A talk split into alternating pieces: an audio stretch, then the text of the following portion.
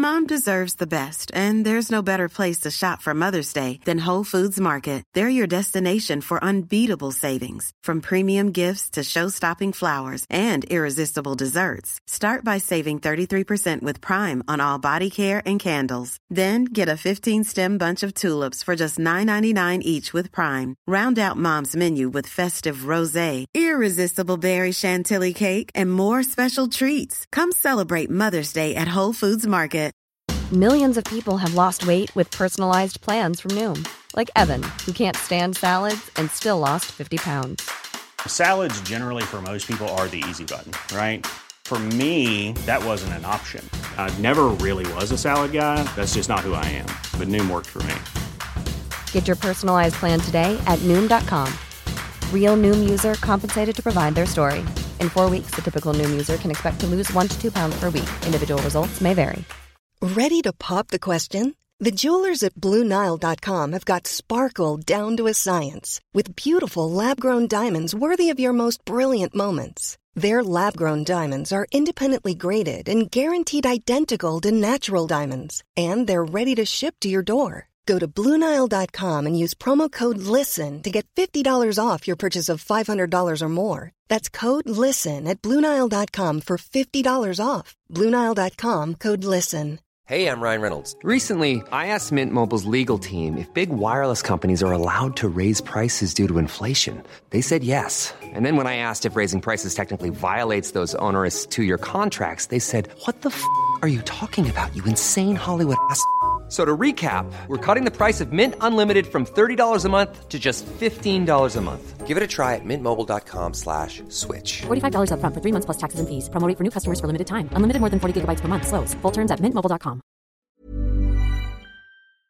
Hej och välkomna till podden Inte din morsa med mig Sanna Lundell. Och med mig, ålderskrisen och livskrisen Anna Södlund, enligt psykolog Sanna Lundell. Lägg psyk. Lägg terr. Eller vad står det? Hur förkortar man det? Läggt samtalsterr. Nej men äh, ja, jag... Äh, Sanna säger att jag är ålderskrisande. Det var ju för att du precis innan vi tryckte på, tryckte på räck här så outade du att du skulle behöva bli särbo med en betydligt yngre man som kunde styra en upp piggis, allting. en En, pigg kille som orkar. Eh, Just nu har du ju då en son då som Ja. hjälper dig Ja, han är i och för sig ung och pigg. Han är ung, bra. rask. Nej men man, eh, jag, jag träffade en mamma när jag var och skulle köpa en lunchmacka som hade den gulligaste bebisen jag sett. Du vet en sån här kerubbebis som är så här, jag har marmorhud, jag har stora runda ögon och jag har en mössa med kaninöron så att du ska bara säga jag älskar dig och det gör man ju direkt. Och då såg jag den där mamman sitta med den där bebisen, bara de två. Mm. Tänkte så här, Gud, var jag någonsin ensam med en bebis? Det var alltid fyra kompisar, någon film, någon tv-inspelning, bla bla bla. Men just den där orken som jag ändå märker stor skillnad på när jag hade de första killarna. När man så här, var helt, men som en Duracellkanin. Man kunde göra vad som helst, dygnet runt. Man var aldrig trött. För att man var ung. och hög liksom på så här, moderskapet på något sätt. Jag är fortfarande hög på moderskapet. Men jag är ju liksom så otroligt mycket mindre PK. Barbie, man bara nej, jag har evidens, they don't give a fuck. Svärd, okej, hur många har ni? Pistoler, köper allihopa. Det är så här, man, det är jobbigt att vara PK. Det tar mycket på krafterna. Mm. Det är, Det är som, jätte- det är som feminister säger, en massa kom, tjejkompisar som är feminister säger, vad ledde det till?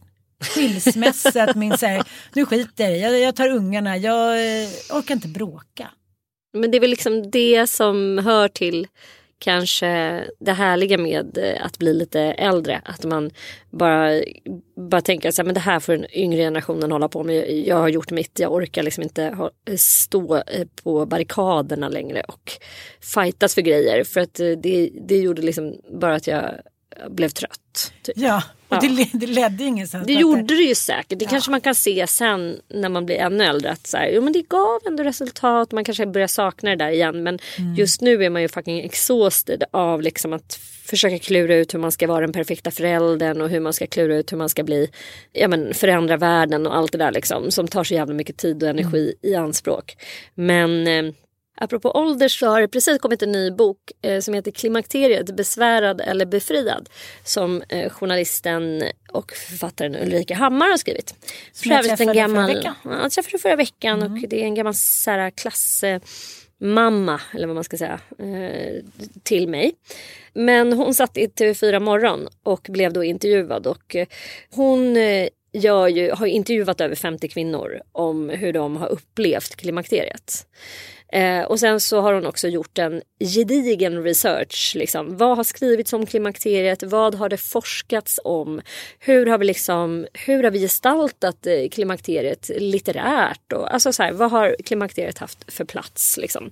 Så, så, det här är någon slags väldigt så här, bred genomgång av vad klimakteriet är. Kan inte hon berätta själv då? För jag har inte hört det där. Mm. Jag vill att vi ser klimakteriet som liksom en, en viktig fas till en ny del i livet. Mm. Alltså precis som puberteten är. Och vi ser liksom att man är en person före och efter puberteten så tror jag att man är det före och efter klimakteriet. Och när någon kommer in i puberteten så säger vi liksom, åh nu blir du snart vuxen och vad spännande. Och när någon kommer in i klimakteriet så bara, stackars dig. Och så pratar vi inte om vad händer sen, vad är det på andra sidan? Mm. Alltså det jag tror jag att vi behöver mycket mer utrymme att utforska och tid att liksom så här sörja det vi måste släppa taget av. Att inte vara fertila längre, att inte anses som lika sexuellt attraktiva längre. Alltså ta tid att släppa taget för det. Mm. Och då tänker jag att då kan det öppna upp någonting annat. Ja, och bara att vår, vår, kropp har liksom så här producerat ägg och mens liksom hela tiden. När det stänger ner, det måste ju vara, en, liksom, vara mycket energi vi kan ha till någonting, något annat. Och vad är det för någonting? Mm.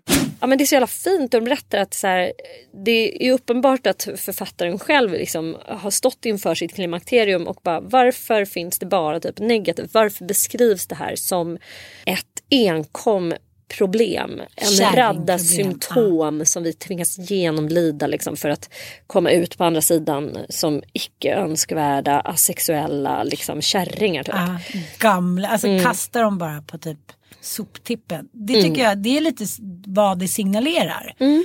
Men eh, jag har tänkt lite på det där varför jag blir så otroligt irriterad när män säger sådana kommentarer till mig. Har du PMS eller har du mens eller? Mm. När typ kvinnor knappt vet någonting om sina cykler och män vet ingenting, ingenting, ingenting, ingenting. Eh, förutom kanske någon, ja men så här, Sigge typ. Mm. som, som har brytt sig om, som har blivit besatt Ja men det är, så här, det är en mikroskopisk andel av liksom eh, männen i världen. Utan jag tycker de flesta män verkar leva fortfarande efter så här, eh, fantasifostret. Så här, tjejers bajs luktar inte. De har mens och blir arga. Eh, de kan i klimakteriet och blir kärringar. Alltså det finns så här, medeltida föreställningar om allting som har med kvinnans liksom, kropp att göra. Mm. Ja, kropp och faktiskt själ också. Liksom. Mm. Och då tänkte jag på det där när, som min kompis som berättade att hon hade börjat ta då en medicin mot PMS. Och så kände hon sig den där urkraften som jag får, har fått varje månad av det när jag kanske har tagit tag i grejer. Saker som varit dåligt, lämnat min man eller liksom, mm. eh, sagt åt barnen eller ringt upp någon kompis. Som, alltså, grejer som man känner så här, drar lite på men som hon hittade någon form av kvinnlig urkraft i. Mm. Nu var ju den bortmedicinerad. Mm. Hon sa, det är klart att det är skönt, mitt liv är enklare. Men ett, jag har ingenting att skylla på. jag, säger, jag måste vara i fred, jag mår, jag mår så dåligt av PMS, jag låser in mig. Och två, allting blir lite så här måndag hela veckan. Mm. Och jag kan fatta det, eh, det här med liksom ägglossning och den känslan som det kan kanske inte lika mycket längre men väldigt länge det här så här jag ska ha ett barn, jag ska ha en man typ ägglossningsbarnen som jag pratat om några gånger. Att den här urkraften som finns i många eh, jag menar, kvinnliga kroppsliga liksom, vad man nu ska säga, symptom. Jag tror att liksom, det har någon anledning på något det sätt. Det finns ju en funktion med det. Ja, ja. ja. Och det fin- men det är också det som är fint med Ulrika Hammars bok och hennes undersökande text liksom där. Det är ju att hon försöker hitta liksom så här. Det måste ju finnas och när hon intervjuar de här 50 kvinnorna så visar det sig att alltså så många har så positiva erfarenheter av ja. klimakteriet. Mm. Men de enda berättelserna som kommer ut det är mm. liksom så dämpar du dina vallningar. Mm. Och eh, hon efterfrågar då vilket jag blir så glad att höra för att jag själv är så inne i det nu, i liksom så här, det existentiella samtalet. Mm. Alltså klimakteriet beskrivs liksom som en fysisk upplevelse. Du förlorar din sexualitet, mens och får vallningar.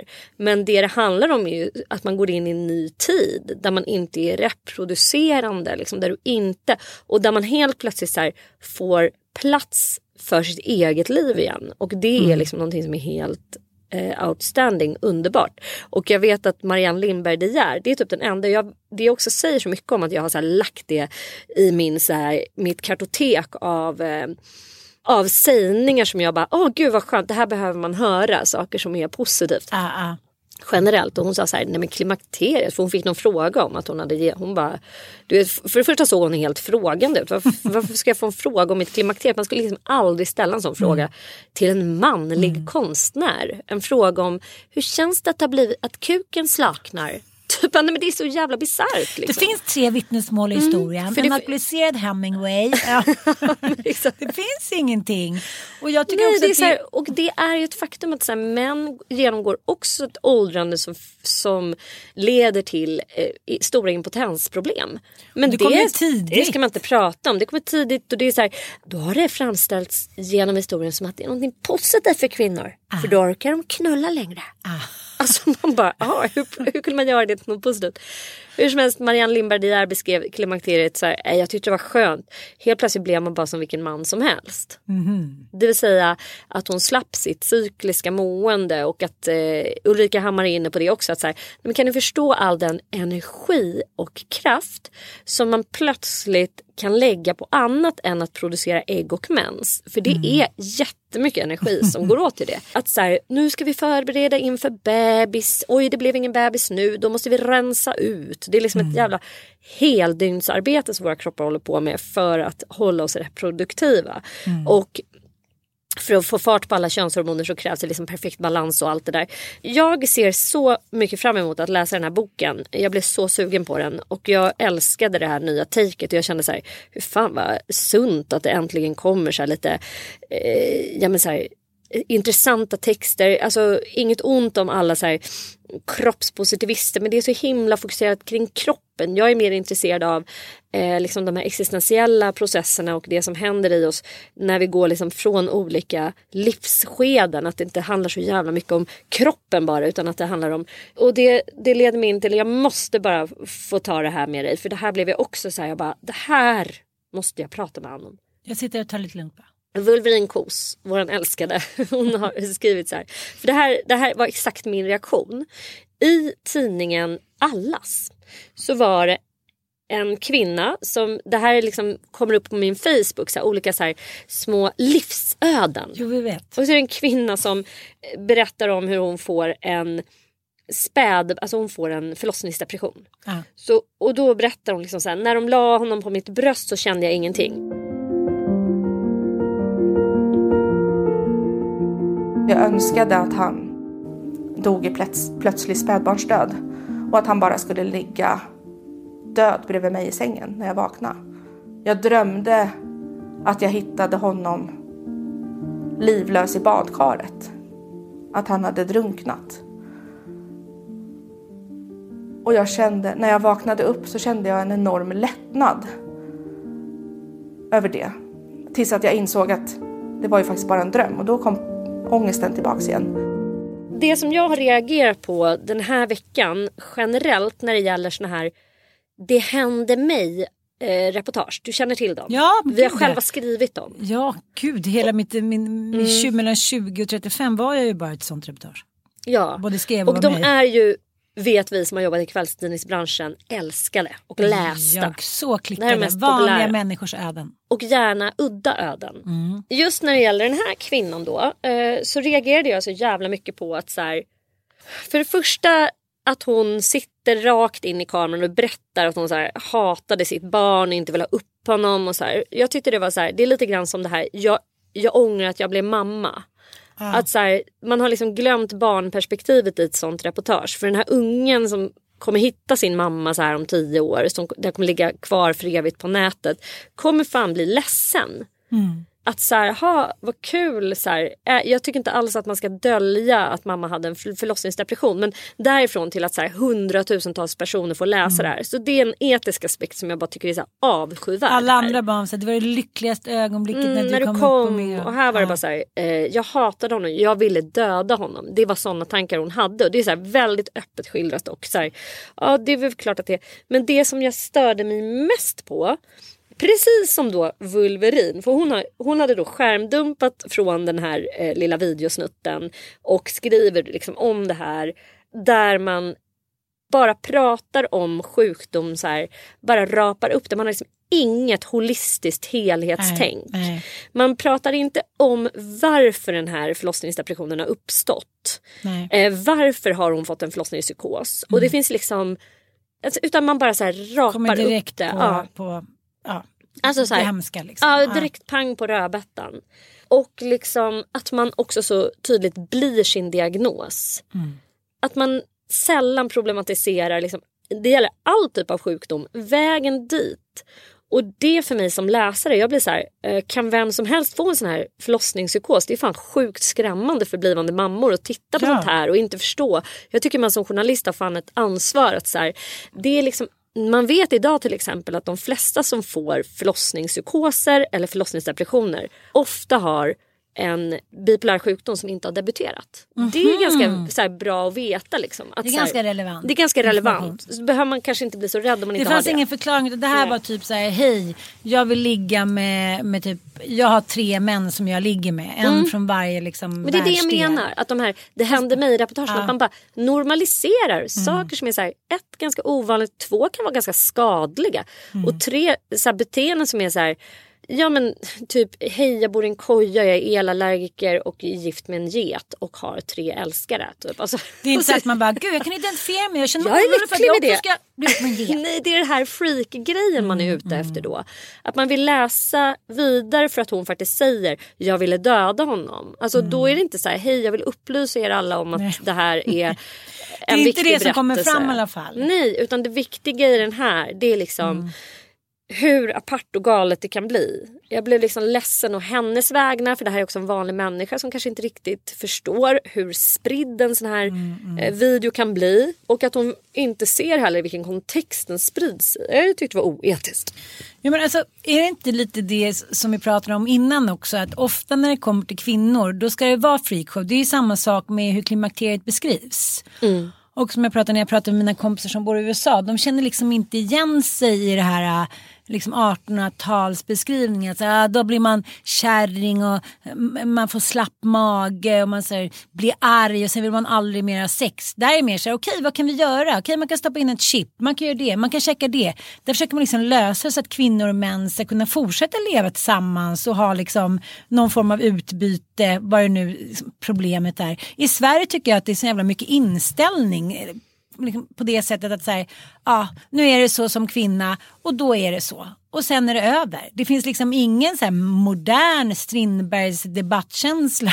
liksom så här, Okej, kan det leda till det? Och så svarar män och sen är kvinnor. hon- Det, det är så tyst med män i debatten om kropp och själ så att jag fan blir rädd. Och då säger Ruben Östlund så här, men vi vågar inte säga någonting längre efter liksom eh, metoo. Jag bara, men vem var det som sa någonting innan förutom liksom recensenter som ska säga så här, ja, hon har en ointelligent röv om Lena Nyman så här, att man ska liksom direkt gå på kroppsdelar. Och jag har tänkt på det, varför det stör mig så mycket då när någon ger sig på min ålder eller min PMS eller liksom mitt klimakterie eller vad det nu handlar om. För att det är det som under århundradena har varit ett tydligt tecken på att du inte får vara med längre. Mm, du är inte värd lika mycket då. Nej, och, och jag känner inte igen det. det i så många andra länder som i Sverige. Jag känner att det är någon så här jävla jantegrej att säga ja nu är du kärring, så här, tyst med dig kärring, nu, liksom, nu är du gammal, nu får du så här, sitta och virka eller någonting medan männen är så här ja direktör Olofsson, hela 40-talsgubbarna är ju bara liksom ett museum av den inställningen till kvinnor tycker jag. Mm, verkligen. ja men också att så här, eh, män har ju massa benefits av att bli åldrade och eh, att, att kvinnor eh, per se inte har haft det. Men samtidigt så här, jag tror att det håller på att ske en förskjutning och eh, det som Ulrika Hammar sa som hon liksom tyckte var extremt upprörande det var liksom att hon gjorde en genomgång av så här, eh, regionerna och eh, vårdcentralerna. För liksom har man klim klimakterieproblem så kommer man ju liksom till sin husläkare då som ska eventuellt remittera en då till någon gynekolog som har expertis kring klimakterieproblem. Men att den processen är så här långt ifrån, alltså det är så godtyckligt vem du hamnar hos. Vissa läkare tycker liksom att nej man ska inte behandla klimakteriet. Det, Mm. du- det är normalt, det ska du gå igenom. Och 40 procent eller om det var 50 tycker att man ska förskrivas östrogenbehandling. För att östrogenbehandling var ju väldigt så här, ifrågasatt under några år därför att man kunde se då kopplingar mellan östrogenbehandling och eh, Bröstcancer. bröstcancer. Mm. Men Det nu kan har man ju fortfarande. Nej, man har faktiskt eh, man har sett att så här, östrogenbehandling som påbörjas i tid, då utgör den ingen som helst risk. Men liksom, har man redan genomgått klimakteriet och sen börjar medicinera, då utgör den en risk. Så det liksom beror på helt, det, det krävs kunskap för att kunna förskriva östrogen och liksom se till att det blir en säker behandling. Och den finns inte överallt. Nej men det var ju när jag var på Cancerfondens lunch så pratade just en av eh, cancerforskarna kring det här. Mm. Att även hos eh, gynekologer och läkare så är det här lite godtyckligt. Ja, men det är lite det. Vad man, även om man inte vet så mycket om det Mm. så gör man det av gammal vana. För att det tycker jag har blivit bra på mina patienter. Mm. Och då blir jag lite så här, okej psykiatrin. liksom, ja, men du vet. Vi testar Ja, vi lite. testar en liten fallucka eller vi testar att lobotomera så här. Men när, när läkare och gynekologer Testar lite. Ja, då kände jag lite så här. Och det var likadant, jag var med i SVTs morgonsoffa häromdagen angående de nya eh, liksom, rapporterna om hur många ungdomar och barn som föreskrivs sömnmedel. Oj, var du med där? I egenskap av sömnproffs. Sömnexpert.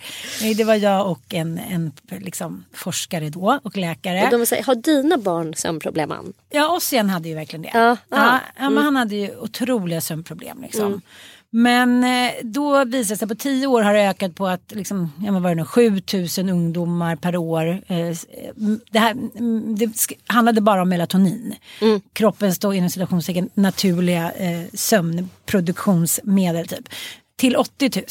Så var det i alla fall. För jag, jag kommer ihåg att jag var med, med barnen på en resa en gång och vägen dit var liksom, det var jag, pappa Köris, Ilon, Ossian och eh, Dante i magen.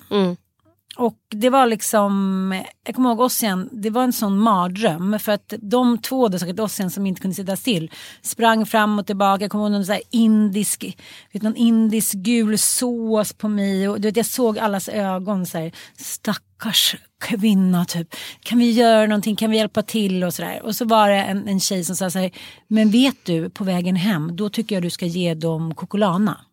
-hmm. Ja men det är sömn, Det är liksom. ett morfin. Eh, Ja. Det är alltså en hostmedicin med Precis, morfin ja, i. och jag var såhär, jaha, typ, ja men det gör vi alla liksom. Det gör vi alla på sjukhuset typ. Jag bara, jaha för hon var sjuksköterska. Jag var såhär, jaha, hehe. Och, och jag köpte melatonin någon gång när jag var i USA till Ossian. Men det har inte varit någon tanke att jag så här, ska ge honom melatonin varje dag när han, när han var liten. När han hade verkligen problem att sova. Men så började jag kolla mig lite runt. Då var det så här, en jättegod vän till mig. Hon bara, alla mina tre barn får ju det varje dag. Och en annan kille som jag känner lite, han var så här, men gud om inte jag skulle ge det till min son då skulle han aldrig sova. Jag vet inte om det var som är liksom placebo bla bla bla. Och då är det samma sak igen när man inte är autonom som barn. Mm. För det finns ju liksom men, regler och föreskrifter att man inte ska ge barn sömnmedel under en viss ålder. Men just i det här fallet då så kan man som läkare göra det lite godtyckligt. Och så fort det blir så här någon liten utanför lag som de nu håller på att behandla i EU eh, kring såna här grejer hur man ska göra med barn då känner jag så här Nej, du vet, jag får nästan, jag, jag får sån obehaglig känsla just med att ja men det här blir väl bra, det, finns inte, det är ingenting som är beforskat. Ja, det är Man har inte sett så långtidseffekter av. Nej, jag vet. och hon den här läkaren som var grym hon sa också men vet du, det är tillväxthämmande, det är hormon, alltså så här, Mm. vi vet ingenting. Så det är så här 80 000 barn per år och det ska man ju liksom ta kanske under en månad för att då komma in i någon sömnrytm och bla bla bla. Men, men de som jag har pratat med då har ju små barn som har käkat det här i flera år. Ja, men jag, Det handlar ju också om den här quick fixen hela tiden. Ja. Att så här, har man barn som inte kan sova då kanske måste man fråga sig själv så här, och om man själv, jag menar sömnproblematiken är extremt utbredd även hos den vuxna Ja. befolkningen. Ja. Alltså jag, det, det är typ en av de största liksom, ja, men orsakerna till sjukskrivning. Ja. Därför att all typ av sömnbrist leder till liksom, psykisk ohälsa i slutändan. Eh, och att man liksom utmattningssyndrom och så vidare och så vidare i all oändlighet. Men att så här, vad fan är det som gör att vi inte kan sova? Ja. Alltså har man ett barn som inte kan sova. Jag, jag har ju ett barn som har haft liksom, problem med insomning. Alltså det är ju fruktansvärt att väcka någon som har sovit sex timmar när de är så tio år. Det är helt så här, nej men shit det måste man ju ta på riktigt stort allvar. Vad kan vi göra? Och hans liksom bästa den finaste lösningen på det det var ju liksom dels att sluta med socker efter klockan 12. Alltså man kan inte äta söta saker, man kan inte dricka Coca-Cola, man kan inte liksom Skärmar. sånt. Och sen skärmar men framförallt att han började lyssna på så här meditations... eh, Alltså olika såna här yogaspellistor och sånt där på Spotify. Det somnar han hur bra som helst på. Och så här, då får man ju, jag säger inte att det funkar på alla. Det är klart att barn med NPF-diagnoser kan ha jättestora problem och man kan behöva behandla det. Men man ska ju också veta att ADHD-medicin, om man tar den för sent så kan det också göra att det svårt att sova. Ja, Men det är ju ja. sån här oro. Jag tror också att så här, det är skitmånga som bara tänker att så här, nej men de, ska så, de ska somna bara när man lägger dem i sängarna. Men gör Mm. de inte det då kanske man får lägga sig där. Alltså det, det, det måste ju liksom, man måste ju försöka innan man tar till ett piller. Vi lever ju också i ett samhälle där det är så här, det går inte att jag har ett barn som inte sover på en Nej, vecka. nej. För då får man så här problematisk skolfrånvaro, jag måste sjukskriva mig från jobbet. Mm. Det funkar inte, du måste sova nu, pronto. Och det här kanske är ett problem så här, fan har man genomgått en livskris, en skilsmässa, någonting som är jobbigt att man bara så här, eh, ja det När kanske kommer ta mamma hade dött där, gud, Mm. jag, jag sov ju liksom inte. Jag låg i något delirium så här varje natt. Jag kunde inte somna, visste inte om man hade somnat. Sen helt plötsligt Nej. ringde klockan. Var så här, har jag jag sovit? Har jag inte sovit? Det handlar ju liksom om en inre stress ofta som gör att man inte kan sova. Och, eller man vaknar i varje timme och börjar tänka på grejer. Det är inte så här, gud jag är superharmonisk. Men sen handlar det också om det här med, eh, med att vi, liksom vi rör på oss. WHO säger att vi ligger längst ner i världen på den här genomsnittliga, men, vad man säger, det finns en rekommendation från WHO att barn ska röra sig mellan 60, 80, 90 minuter varje dag. Vi ligger liksom lägst ner i hela världen, Mm. Vad Sverige. hände? Vad fan hände? Vi var så här hurtbullar när vi så här, uh, sluta grogga Mm. ut och jogga hit och dit. Jag känner så att hela det här samhället är bara så här, okej ge dem medicin, ge dem sömnmedel hit och dit. Sen vet jag, liksom, nu har jag bara haft ett barn som har haft liksom, problem att somna och sova middag och bla bla bla. Men när, när gick jag och la honom där på kvällarna? Ja, han skulle vara uppe för jag var med min bebit. Elva liksom. Och så vaknade han tidigt så kunde han inte sova. Han var ju liksom uppe i varv. Då sitter hans leksak, han är sex månader, så här 600 leksaker framför sig. Han ska utmanas. Han bara åh. Och att om man är två trötta föräldrar också kanske med problem. Det är kanske omänskligt att orka i det här samhället som vi har skapat. Även för barn. Det är skitskönt så här, okej men ta den här paddan eller ta det för nu ska pappa jobba lite eller mamma är trött och ska gå på AV. Det är så här, jag läste också en bok om, om forskning och eh, om barn och sömn och hon skrev så här Ja, men sammanfattningsvis, hon hennes forskningskollega, en snubbe, hon bara ja, jag är ledsen, nu har jag skrivit den här boken.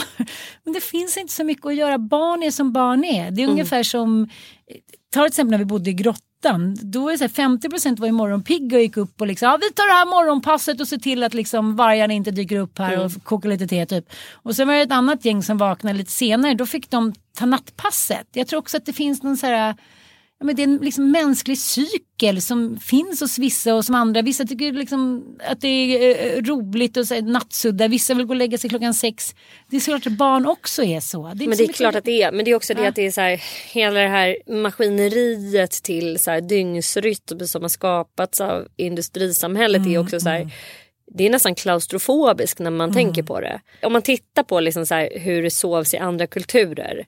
Maria Borda som, som har skrivit Vilda barn, hon, hon är ju, som är antropolog som vi också har pratat om många gånger här i podden. Hon, jag tycker det var så fascinerande att läsa liksom hur man sover i, i andra Ja. kulturer. Att det, liksom, det här åtta timmars, så här, då är det normalt. Så här, så här mycket behöver man sova för att så här, men de sover liksom så här, tre timmar där, fyra timmar där. Alltså man har en helt annan sömnrytm som inte handlar om att under en lång sammanhållen tid ligga och eh, sova. Och det är liksom någonting som vi måste skapa hos våra barn. Så det lilla barnet som har flera upp- uppvak per natt det är liksom mer än normalt. Ja. Och då är så här, Än att sova så här. Henna vakna, typ så här, panik, vi måste gå ut och gå eller åka med bilen. Man bara, nej, det är, liksom, det, det är bebisens rytm. Ja. Det är därför du och jag har ammat så länge, för då är det så här, Ja, in så. med flaskan, tutti-tutt. Ja, Ja, men det, somna om. hjälper.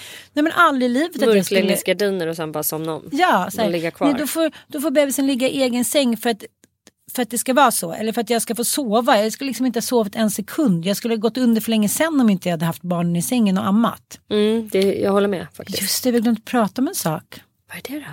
Anna V har vikt hädan. Ah, det är nästan som att han så förtränger det. Fy fan alltså. Jag tyckte jag... det var så jobbigt att läsa om det för jag var så här, nej men gud, jag har nästan aldrig känt så inför en människa som ändå har gjort så mycket avtryck som hon har gjort faktiskt Mm. i hela världen. Jag bara kände så här, ja hon är där typ så här, okej hur ska jag tackla det här? Hur ska jag känna så här, gud ska jag skriva någonting som, bara, eh, och sen bara förträngde jag det. Ja, jag tror att vi drabbades kanske av lite skuld. Att vi har så kritiserat henne ganska hårt. Men då kommer jag ändå tänka på att vi har också creddat henne ganska mycket. Och jag läste en fin så här, nekrolog eller vad man ska säga som Anna Björklund skrev i Aftonbladet. Och jag tyckte den var så fin för att liksom så här, det som var fint med Anna Wahlgren det var ju att hon var så jävla mänsklig i barnaboken. Hon var liksom den första som så här, bjöd på ett imperfekt föräldraskap och Ja. att det fan är okej. liksom. Ja, är. Och att vi gör så gott vi kan och att kärlek räcker jävligt långt. Att så Mm. här, och det, den var ju så sjukt förlåtande och, och hon om någon, och hon bjöd ju på liksom det existentiella samtalet. Alltså hon var mångdimensionell.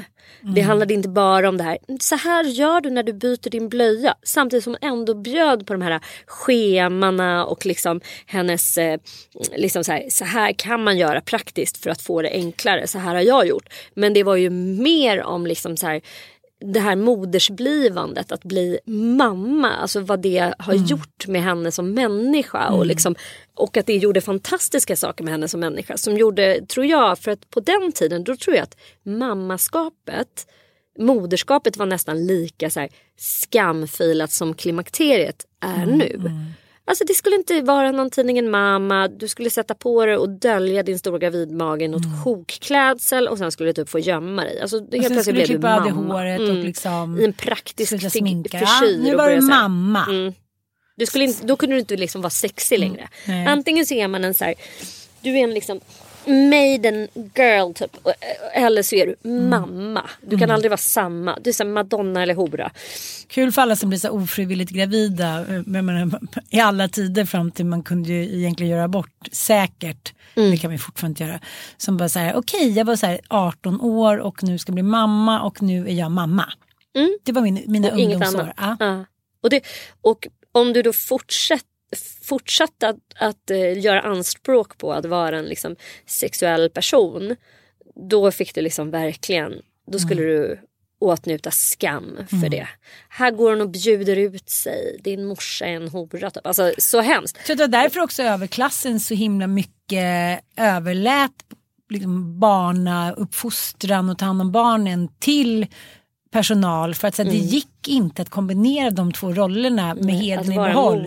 åt den som ena, nej. nej. Så då blev det så här, ah, Lars och Erika kan komma in här nu så ska mamma pussa godnatt. Jag fattar att inte alla var så men jag förstår att det var, och man ville liksom behålla någon form av modern kvinna som också var de första årtiondena man kunde göra det då. Innan fanns det ju inte ens en möjlighet att så här, få sigga och ta ett glas likör. Liksom. Nej. Så du kan ju tänka den åtnjutningen som man fick av att se att det finns en annan väg. Och så bara, ja där ligger ungarna. Så, det, det känns som att det är svårt att hitta en balans i moderskapet för liksom, den moderna kvinnan på något sätt. Men Åsa Moberg skrev också en fin nekrolog över henne att hon alltid varit en sån otroligt lojal kompis. verkligen. Författaren och Så fint Ja, ju. att så här, i tider av liksom, ja, men, i kriser så har hon alltid så här, varit där och stöttat och varit schysst. Och, det är också en så här märklig kombo känner man att, att barnen då skriver om henne som att hon har varit liksom Vi ska säga ett barn. Har ju skrivit om henne. Som att hon var liksom inte en bra mamma. De andra barnen har ju faktiskt varit henne lojal. Hon hade ju väldigt många barn. Men det, framförallt är det ett barn. Och Mm. även då kanske, alltså de äldre barnen eh, har väl mer eller mindre varit liksom kritiska. Men, eh, å andra sidan så är ju de vittnesmål som Felicia då fällt mm. kom med i Felicia försvann. Liksom, mm. De är så av, av en sån häpnadsväckande vidrig karaktär så att man det, det, var liksom svårt att tycka om. För mig var det så. Det, det var ja, liksom en nej, här, då, då, var, jag, då var det över för mig. Ja det var det och innan dess hade jag en stark varm eh, förälskelse till Jag har träffat henne. henne. vi har suttit Mm. tv-program tillsammans och jag har varit så här nästan darrandes av liksom beundran och så här fanskap som jag nästan Mm. Ja. inte varit på någon annan. Och sen hände det där, det blev lite sådär, dels liksom det skyddslösa barnet. De blev ju så medberoende och hade heller ingenting att jämföra med eftersom de isolerades. Ja men sen också lite det här som vi pratade om i förra avsnittet. Att så här, Yoga Girl beskriver ju en liknande upplevelse. Liksom med en mamma som inte var helt stabil. Och grejen är den att Anna Wahlgren var ju också väldigt öppen med det. Att hon mådde skitdåligt perioder och att hon bara satt och rökte och drack whisky. Och, men hon hade ju lite liknande beteenden. Att flytta hela tiden, nya karar, gifta om sig. Mom deserves the best, and there's no better place to shop for Mother's Day than Whole Foods Market. They're your destination for unbeatable savings, from premium gifts to show-stopping flowers and irresistible desserts. Start by saving 33% with Prime on all body care and candles. Then get a 15-stem bunch of tulips for just $9.99 each with Prime. Round out Mom's menu with festive rosé, irresistible berry chantilly cake, and more special treats. Come celebrate Mother's Day at Whole Foods Market. Hey, I'm Ryan Reynolds. At Mint Mobile, we like to do the opposite of what Big Wireless does. They charge you a lot, we charge you a little. So naturally, when they announced they'd be raising their prices due to inflation, we decided to deflate our prices due to not hating you. That's right. We're cutting the price of Mint Unlimited from $30 a month to just $15 a month. Give it a try at mintmobile.com slash switch. $45 upfront for three months plus taxes and fees. Promo rate for new customers for limited time. Unlimited more than 40 gigabytes per month. Slows. Full terms at mintmobile.com. Millions of people have lost weight with personalized plans from Noom, like Evan, who can't stand salads and still lost 50 pounds.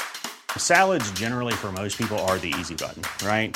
For me, that wasn't an option. I never really was a salad guy. That's just not who I am. But Noom worked for me. Get your personalized plan today at Noom.com. Real Noom user compensated to provide their story. In four weeks, the typical Noom user can expect to lose one to two pounds per week. Individual results may vary. Hiring for your small business? If you're not looking for professionals on LinkedIn, you're looking in the wrong place. That's like looking for your car keys in a fish tank. LinkedIn helps you hire professionals you can't find anywhere else, even those who aren't actively searching for a new job but might be open to the perfect role. In a given month, over 70% of LinkedIn users don't even visit other leading job sites. So start looking in the right place. With LinkedIn, you can hire professionals like a professional. Post your free job on linkedin.com slash people today.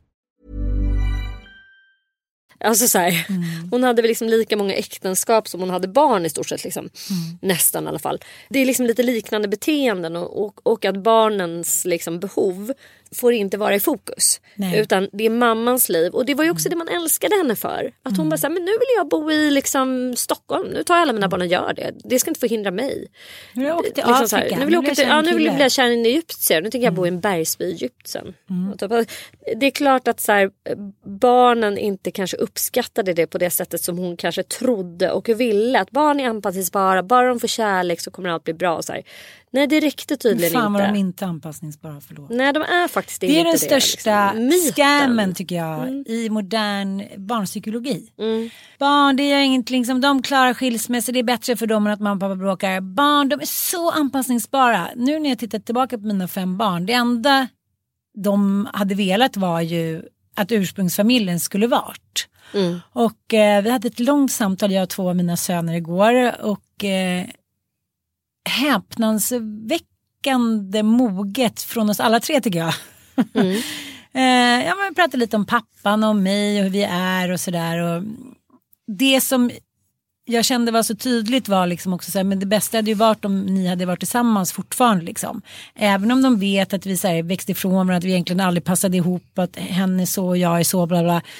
Så är det ändå någon så stark ursprungslängtan att vara en familj. Och jag tänker om jag skulle skilja mig igen så tror jag inte, jag träffade en tjej i, i morse som jag känner och hon sa så här, vet du, hon har skilt sig igen, andra gången man skiljer sig så är det inte alls lika hemskt. För man har den här drömmen och känslan om ursprungsfamiljen och när den tas ifrån en då blir det en otrolig kris Mm. som är väldigt svår att liksom ta sig vidare ifrån. Men andra gången då tyckte inte jag det var så svårt. Det är klart att det är, men jag förstår det där när första gången allting sker och det bara så här, det här kommer inte gå, liksom, jag, man får skuld och hit och dit. Det är klart att man ska vara en trygg punkt men, men eh, jag tror ändå att vi kommer få en backlash med hela den där det, det var Varannan vecka generationen. Ja, att Mm. man, så här, det är också samma sak, så här, men vi ger medicin eller så här, nej, men, ge en sömnmedel, så här, det är bra för det påverkar hela familjen och då mår vi dåligt och hit och dit. Men jag tycker mer det handlar om just det du säger. Att det är ju hemskt för små barn eller tonåringar att, att inte kunna sova. Mm. Att inte få sova tillräckligt. Så ska man väcka dem, så en tonåring som har somnat fyra, klockan sju, så nu ska du gå upp till skolan. Mm. Det, det gör ju ont i en liksom. Och jag pratade med en lärare häromdagen han bara, det här är så jobbigt, ut. de kommer på morgonen, jag ser på dem, de är halvdöda. De har Mm. sovit i 20-40 minuter. De ligger med skärmar, de är oroliga, de är stressade, de har liksom prestationsångest. Det är hemskt att se. Liksom. Mm. Jag tänker så här, det här samhället, är liksom, vi har skapat ett monster. Ja, och det är väl också en stor skillnad liksom på skolan och de prestationskrav som ställs på barn idag jämfört med hur det var liksom när vi var små. Alltså dels så levde vi levde ju någon slags ideologisk idé om att så här, det var ju faktiskt en stor eh, rörelse som drevs för att vi inte skulle få ha, behöva ha betyg överhuvudtaget. Jag minns att det var så starka krafter och vi fick ju då de första betygen i åttan. Inte tidigare än så skulle man behöva belastas med det. Nej. Och liksom, då kom de ju från en tid där du fick liksom betyg i, i ordning och uppförande. Allt det där skulle bara tas bort. Man skulle inte behöva liksom, någon liksom bedöma någon jävla prestation på barn. Alltså det, det var liksom en stark sån, en movement av liksom att så här, barn ska inte hålla på ramas in på det här vidriga sättet. Nu är det liksom helt borta igen. Nu är det så här, nej men det, barn mår bra av att känna var de liksom ligger till och sånt där. Men, det Men verkar vad konstigt att alla resultat alltså. har gått ner. då. Ja, vad konstigt att alla resultat, konstigt? att barn så verkar må sämre än någonsin. Privatisering, Mm. betyg, liksom, eh, man ska in i typ akademilag vid fem års ålder. Och så bara, det är konstigt att de mår dåligt. Men det kan handla om att eh, många mer talar om det också. Att man man vågar säga något. Man bara, nej men nu var det lite enkel förklaring till det här. Lite väl. Jag tror att det handlar så mycket om, som jag tycker ser hos ungdomar, att de tänker sig, jag har inte verktygen för att klara av det här. Jag har inte verktygen för att bli dumpad, jag har inte verktygen för att inte vara lika snygg som eh, mina kompisar, jag har inte verktygen för att inte få åka till Valdi på helgen, jag har inte verktygen för jag, jag tycker träffa så här, ungdomar som, som liksom någon gör slut med. Hur många gånger gjorde man inte slut under tonåren? Det var så här, nu är jag kär i Perre, nu är jag kär hit och dit. Det är klart att man var ledsen. Men det var ändå så här, okej nu ska jag åka till uh, Grankan och där var Andy. Jag tyckte inte att det var, även fast man var ledsen och deppig och det var svårt så var det inte så här, jag vill dö. Jag vill aldrig mer leva. Så jag tänkte att jag kan, då får jag hantera det, får hitta på någonting. Ja, men jag det tänker tycker jag så många på- verkar hamna i, att de känner så här, det är hopplöst, jag klarar inte det här själv, jag måste klara det här själv. Mm. Och det är det som hela så här, kollektivets död har skapat den känslan tror jag hos många ungdomar, särskilt tjejer, att så här, jag vet inte hur jag ska ta mig ur det här. Jag, jag, jag klickade mig vidare via någon, om det var Johanna Brad, Bradford, heter hon det? Du Ja. vet den här inredningsbloggaren. Ja. Jag, jag, hamnade, jag följde henne på Instagram och så följde jag, liksom, kli- klickade jag mig vidare och kom till någon ny då influencer via något jävla gardinmärke som jag var inne och, ja men du fattar, det är så det går Så du till. köpte gardiner för 10 000? Ja, nej det gjorde så- jag inte men då hamnade jag där och då fick jag också syn på någonting som jag tänker är en del av liksom den här eh, känslan av att det kommer aldrig bli någonting av mig när man växer upp. Alltså det här var en ung, jag vill liksom inte outa vem det här var men hon får liksom vara representant för varenda jävla influencer som är i så här 29-årsåldern, precis fått tvillingar. Bara, hennes konto handlar liksom om så här, jag klär mig i roliga kläder för att dölja hur trött jag är av min, typ så här, hur konstant trött, så är det lite glimten i ögat så här, för att hon har tvillingar då, då ska man fatta att man blir helt exhausted av det. Men däremellan, hennes liv då på Instagram eh, går ut på att hon tar bilder på sig själv i liksom så dyra outfits och hur hon unboxar sina presenter som hon får från sin älskling. Typ. Eh, och då är det så här, en Chanel-väska som kostar liksom på riktigt 58 000. Den här tjejen är liksom 29 år gammal. Och sen går hon hem till deras våning där hon då har hängt upp de här gardinerna som jag själv då blev väldigt intresserad av. Och då kostar de bara att installera, för det är alltid någon företag som kommer och hänger upp det här. Mm. Ja men det kostar också i runda slängar 45 lax. Om det är de här, eh, det här är liksom raw models och förebilder som man följer, som man följer hela tiden på eh, Isabella Löwengrip har väl varit en sån person också. Det köps Chanel-skor, det köps liksom Chanel-väskor, det är var mans, eh, var kvinnas rätt rättighet att få unboxa en fucking Prada-kartong och visa upp det på Instagram typ. Nej, men liksom det, det är sån jävla overklig pengaflöde och det tror jag är en sjuk chock för så barn och ungdomar att förstå att så här, nej, jag kommer inte vara 29 år gammal och få unboxa en Prada-kartong. Jag hade Eh, inte ens tänkt inte ens på om jag, jag blir liksom köpa- läkare Nej. så kommer jag kunna tjäna Nej, så mycket pengar så nej, att jag har nej. råd att köpa Nej. Mm. en, en Chanel-väska. Nej, men det är liksom en overklighet som är så fundamentalt utbredd idag eh, kring liksom köphets och konsumtion som jag är så glad att vi slapp under vår Nej, men uppväxt. gud vad vi att vi var glada den. för en date-parfym Ja. Mm. som gick att köpa på Konsum. Som var liksom i den prisklass som våra ihopsparade veckopengar faktiskt kunde uppnå. Det var det coola lite. då. det kunde man också försöka sig på för att få lite kick. det var ju mer kick, det var inte för att man inte hade råd. Nej, men det var inte tanken att jag kände så här, åh gud, jag vill verkligen ha de där grejerna. Det var så här, kolla? Nettan, en rosa porslinselefant. Så här.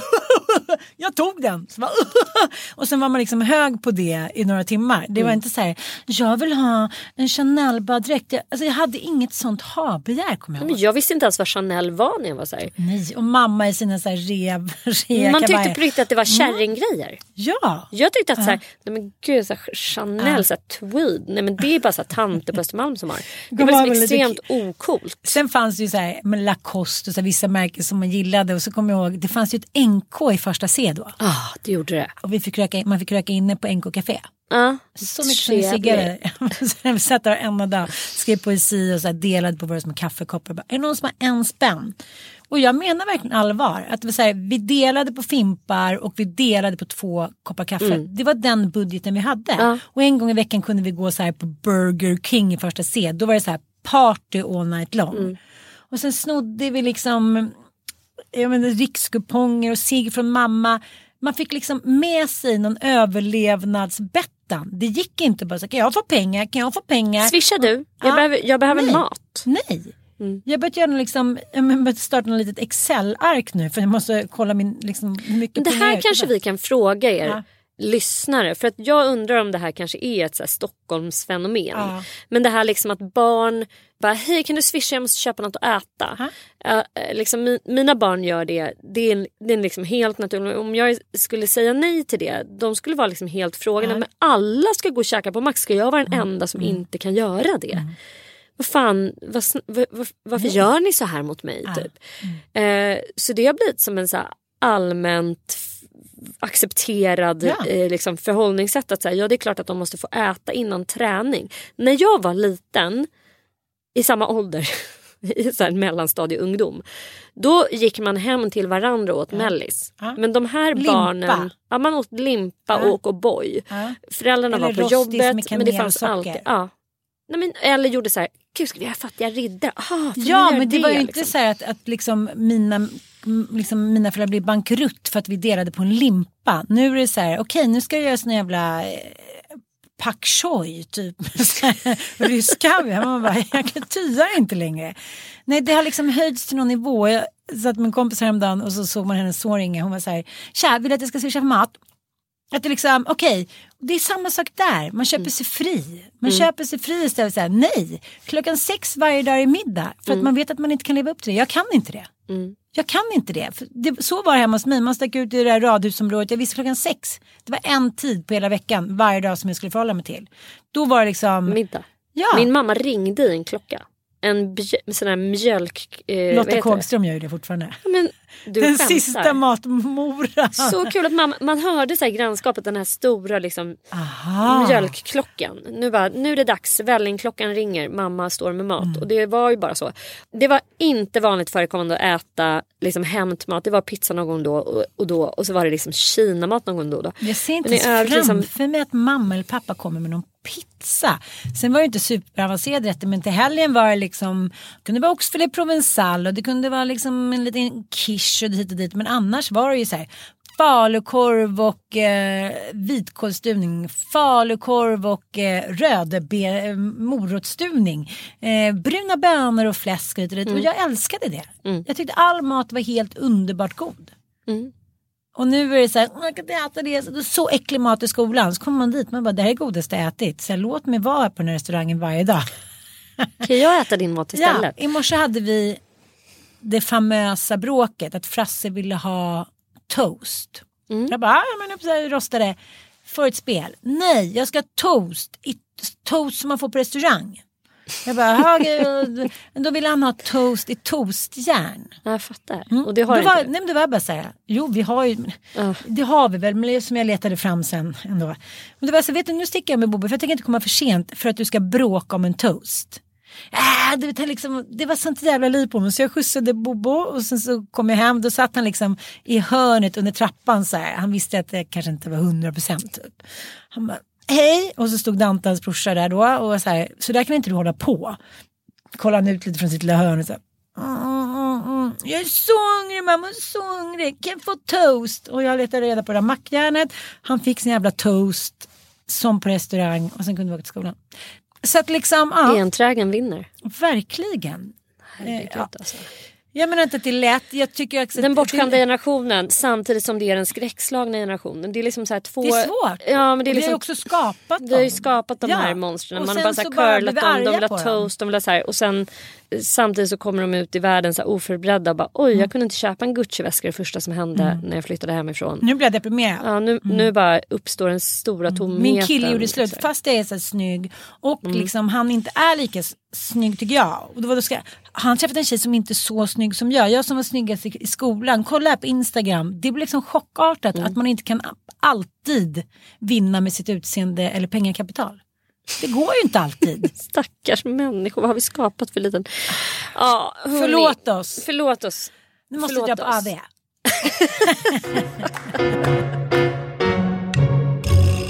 Som avslutning eh, på detta, eh, vad ska jag säga, jag tycker det är lite tråkiga samhälle som vi har skapat. Dels att liksom, eh, vad ska vi säga, lite speciella människor ska här, medicineras ner till normala människor.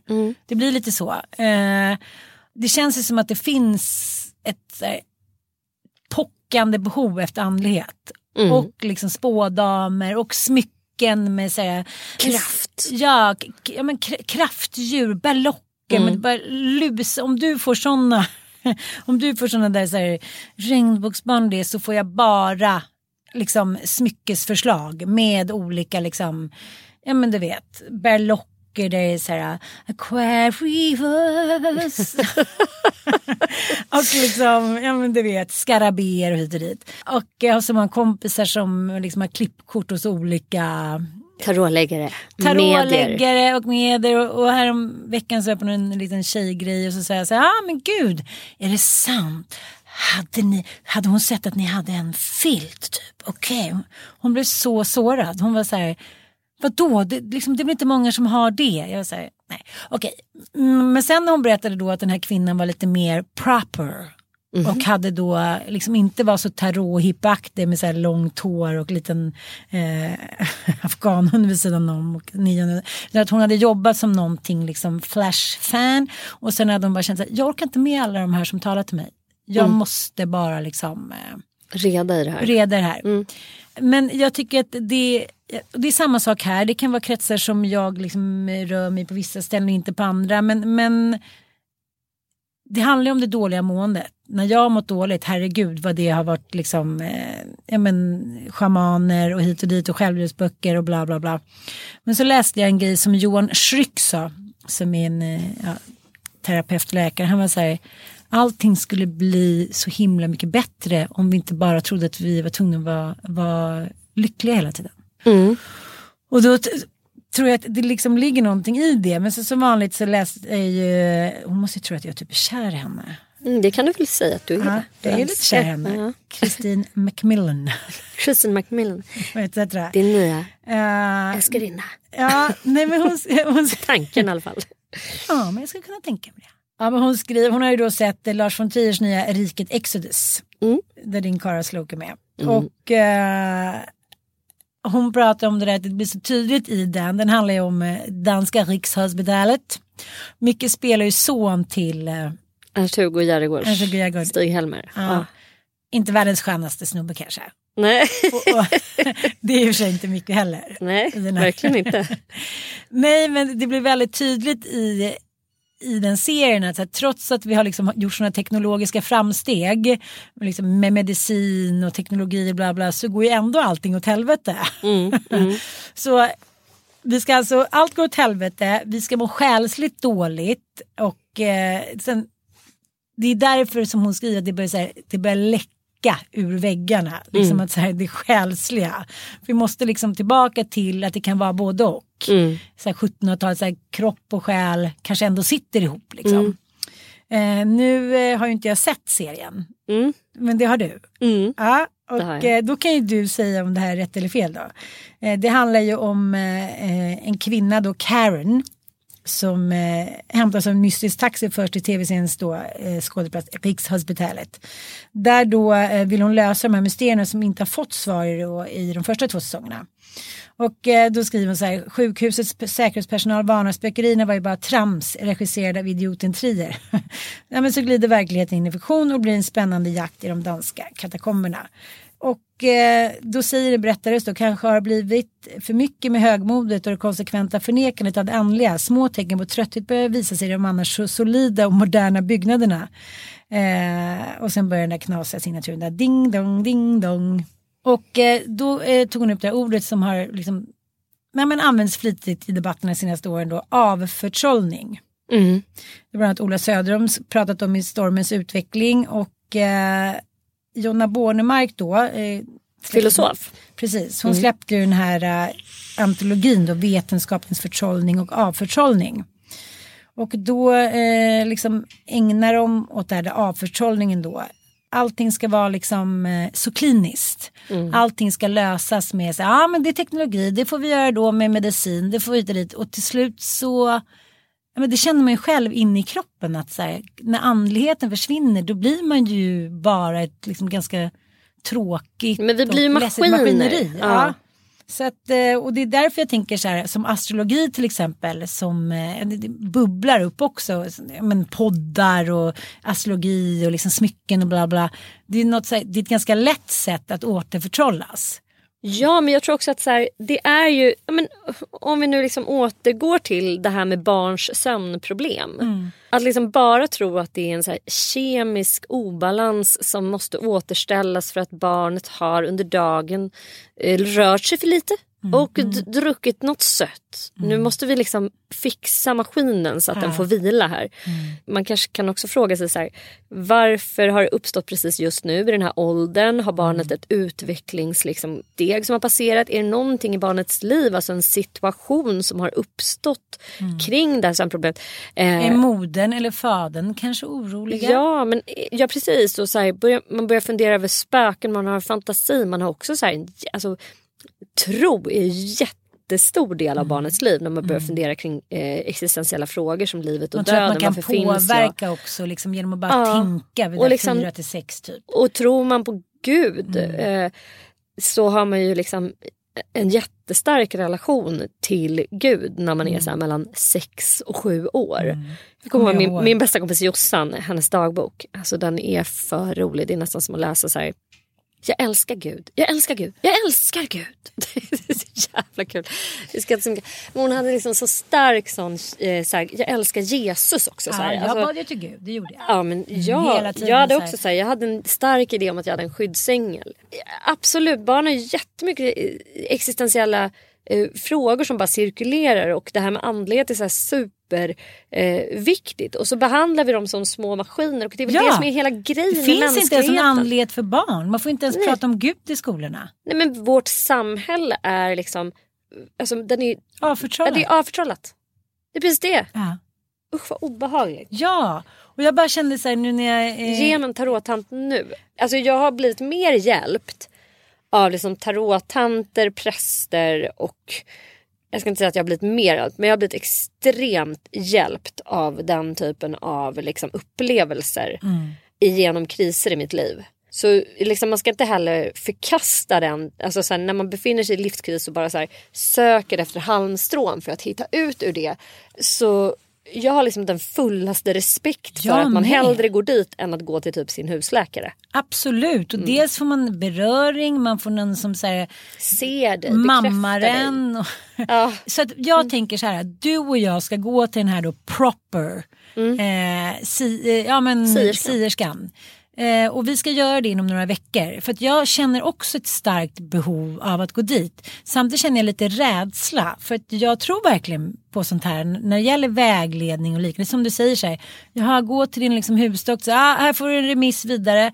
Och Mange hade då gått, fått en remiss till en så här stressställe. Och där var det så att någon kollade på klockan och så här, ah, okej då kör vi så här i 18 minuter, ja nej men nu får vi sluta, hur tyckte du att det var, vill du fortsätta eller?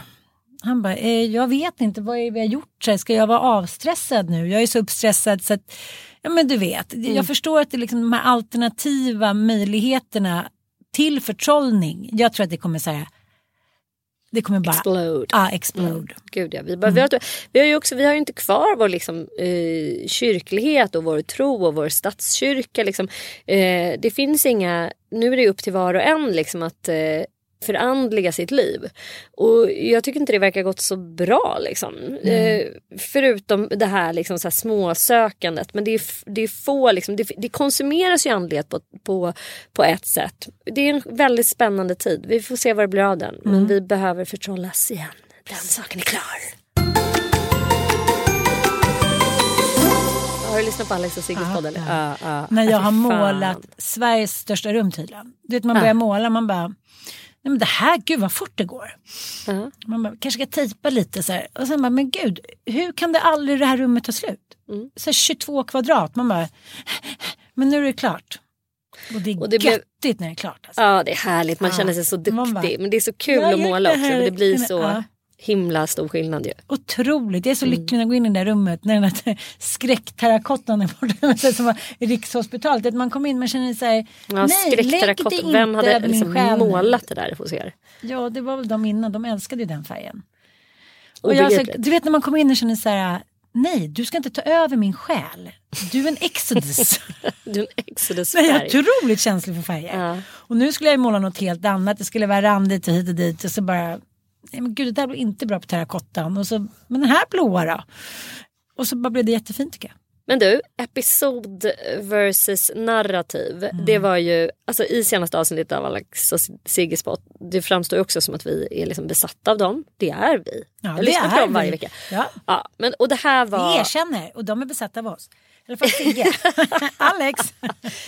Ja, men det var ju så otroligt fascinerande. Fantastiskt Eh, avsnitt. Ja det var fantastiskt avsnitt. Och det var liksom också så när man får vissa nycklar som man bara helt plötsligt förstår man så här, mänskligheten och sina relationer. Och, eh, för er som inte har hört det här avsnittet så ska jag bara briefly förklara att Sigge har då gått på någon så här manuskurs och hänvisar då till någon eh, manusförfattare som har delat upp liksom typ mänskligheten i, i två typer. Att antingen så är man narrativ eller så är man episodisk. Do you think narratives are necessary for us to have experience as we understand it? No, I, I don't. See, one of the things I'm worried about is I want to know what more exactly the narrativity thesis is adding to the stuff that's clearly and obviously true. I do think we're very different. One of the troubles with this debate for me is that people tend to say we are all narrative, and a lot of people also say we need to be or we ought to be. And I want to argue for human difference and say I don't think this is true of everyone. Och den narrativa människan den är ju liksom på ett sätt kan man säga kronologisk. Att man minns väldigt tydligt liksom allt egentligen som har hänt i ens liv. Och eh, allt som Och händer, tyngs av det. Ja, och tyngs av det och fattar beslut utifrån det. Och Känner går, skuld kring det. ja, Så- och hindras av generationer- det och sådär. Känner du folk som är närvarande i nuet på ett sätt som gör att de inte riktigt minns nästan tidigare episoder, eh, kapitler? Eh, vad menar du? Vadå? Om... Nej, jag menar du och jag tänker ju, alltså när, när, när vi är inne på teatergrillen, då får vi ju kontakt med, när vi var där första gången du och jag tillsammans, 2007 eller vad det var, 15 år sedan. Mm. Då, är vi, så ser vi det som en utveckling av en och samma person. Men man har ju kompisar som, när man säger till dem, där borta satt vi 2007, så är de som, ja just det. Och de har ingen som helst, de har ingen jättestort minne av vem de var då, och de är inte så intresserade av det heller. Alltså, han pratar ju om nackdelarna med det, med det narrativa levnadssättet.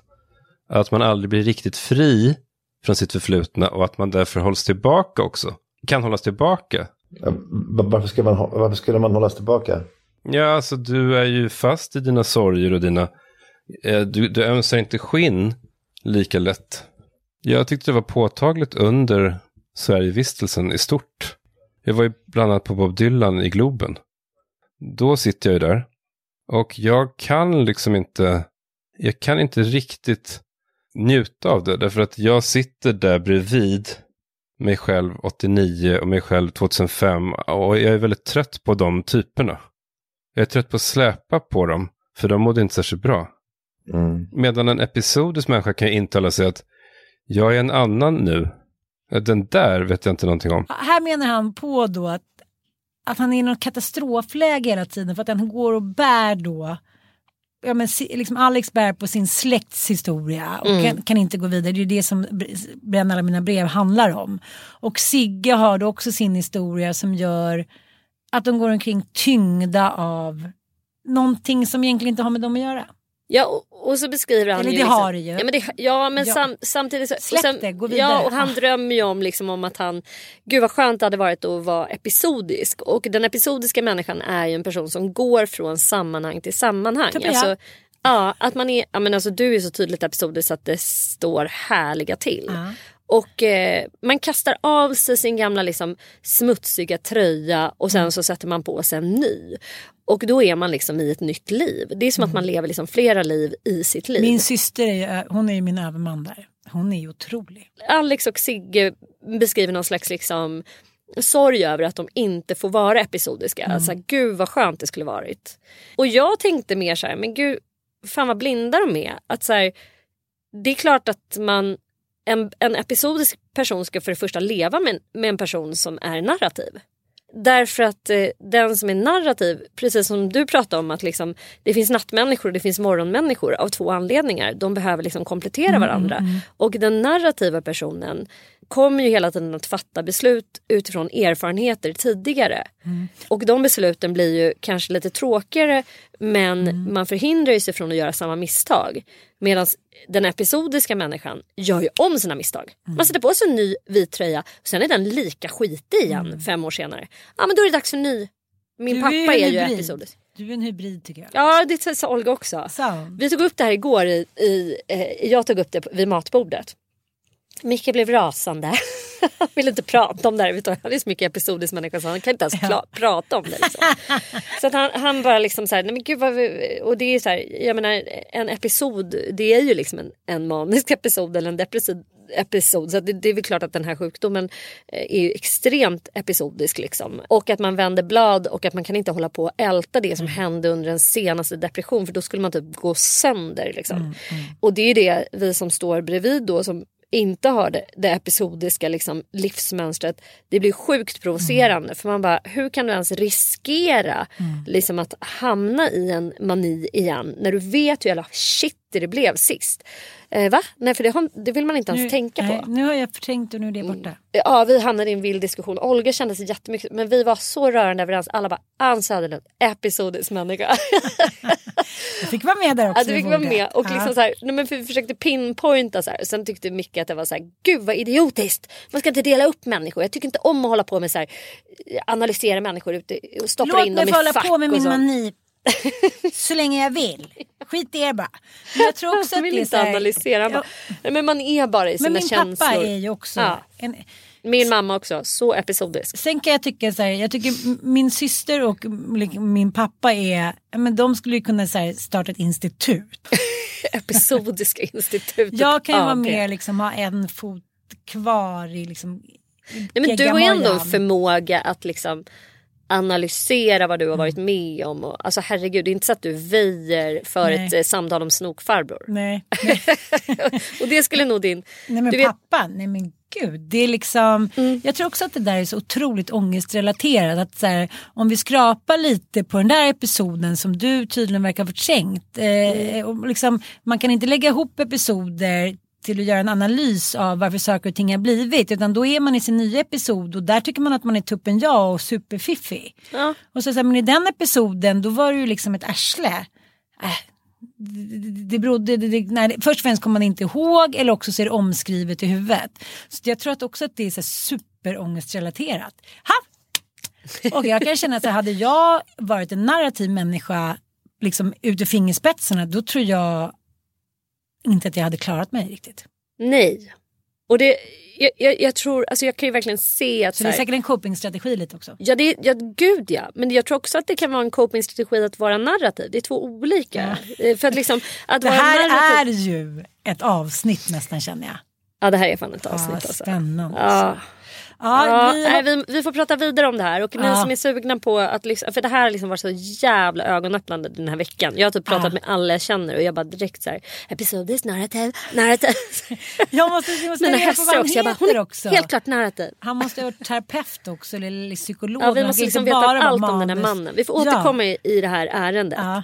Hörni, puss och kram. Tack för att ni lyssnar. Mm, och nu låter vi oss förtrollas igen.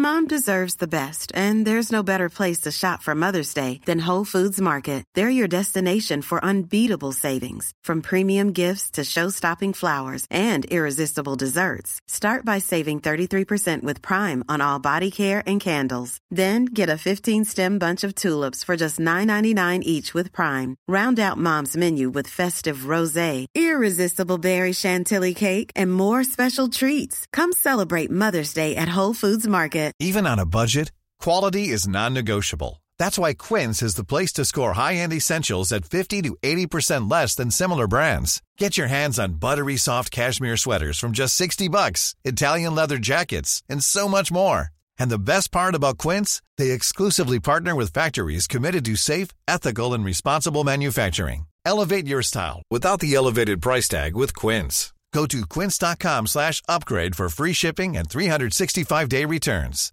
Imagine the softest sheets you've ever felt. Now imagine them getting even softer over time. That's what you'll feel with Bowl and Branch's organic cotton sheets. In a recent customer survey, 96% replied that Bowl and Branch sheets get softer with every wash. Start getting your best night's sleep in these sheets that get softer and softer for years to come. Try their sheets with a 30-night guarantee. Plus, get 15% off your first order at bowlandbranch.com. Code BUTTERY. Exclusions apply. See site for details.